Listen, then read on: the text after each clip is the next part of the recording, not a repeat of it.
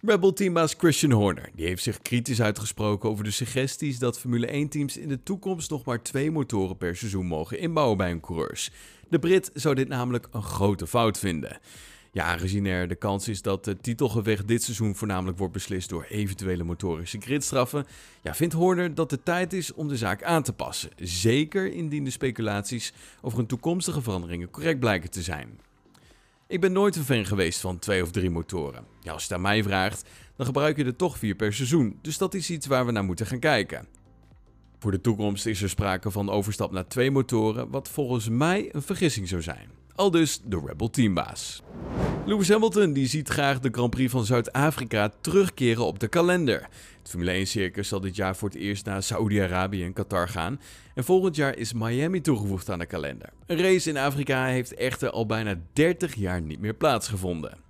Een plek die ik echt voel en me aan het hart gaat en ook belangrijk voor me is, is Zuid-Afrika. Ik denk dat er een grote aanhang is en ik denk dat het geweldig zou zijn om te kunnen benadrukken hoe mooi moederland is. Hamilton krijgt ook bijval van Leclerc. Hij zegt: Ik ben het met Lewis eens over Afrika. Het zou in algemeen geweldig zijn om daar een race te houden. En sportief directeur Ross Brawn die heeft maandag bevestigd dat er volgend jaar zes sprintraceweekenden op het programma staan. Dit seizoen is al twee keer geëxperimenteerd met het format en in Brazilië zal dan de laatste sprintrace van het seizoen verreden worden. Tegenover de Telegraaf bevestigt de Brit het plan voor volgend jaar. De teams zijn samen met de organisatie om tafel gegaan en daaruit is dit aantal gekomen. Nou, de officiële volgt nog, maar Brandy zegt: We zijn erg positief over het concept, maar toch waken we ervoor te radicale stappen te zetten. We zijn juist vrij conservatief, want we willen niet overdrijven. En daarnaast zorgen de nieuwe auto's van volgend jaar al voor een grote verrassing. Definitieve evaluatie over het sprintraceweekend vindt plaats na de Grand Prix van Brazilië. Dan zijn alle sprintraces van dit seizoen geweest. Het is dan aan de Formule 1, FIA en de teams om met elkaar weer te vergaderen over hoe zij het volgend jaar precies nou willen gaan hebben.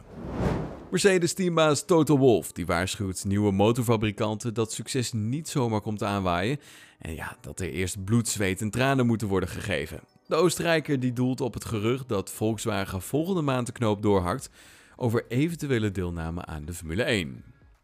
Het is geweldig dat er meer interesse is vanuit de fabrikanten in onze sport. Natuurlijk wil geen van deze grote autobedrijven in de sport stappen en niet competitief zijn. Daarom moeten we systemen hebben die deze zeer grote risico's beperken. Ja, toch neemt de teambaas van Lewis Hamilton en nog Valtteri Bottas een slag om de arm. Want hij zegt, aan de andere kant, Formule 1 is de Champions League. En ja, je kan niet zomaar verwachten dat je zomaar instapt en naar huis kan gaan met de grootste trofee. Mercedes heeft sinds het V6-tijdperk de meest dominante krachtbron. Daar zijn ze ook erg trots op. We zijn er al erg lang en hebben veel geld, bloed, zweet en tranen geïnvesteerd. Kijk maar naar de eerste vijf jaar van ons als fabrieksteam.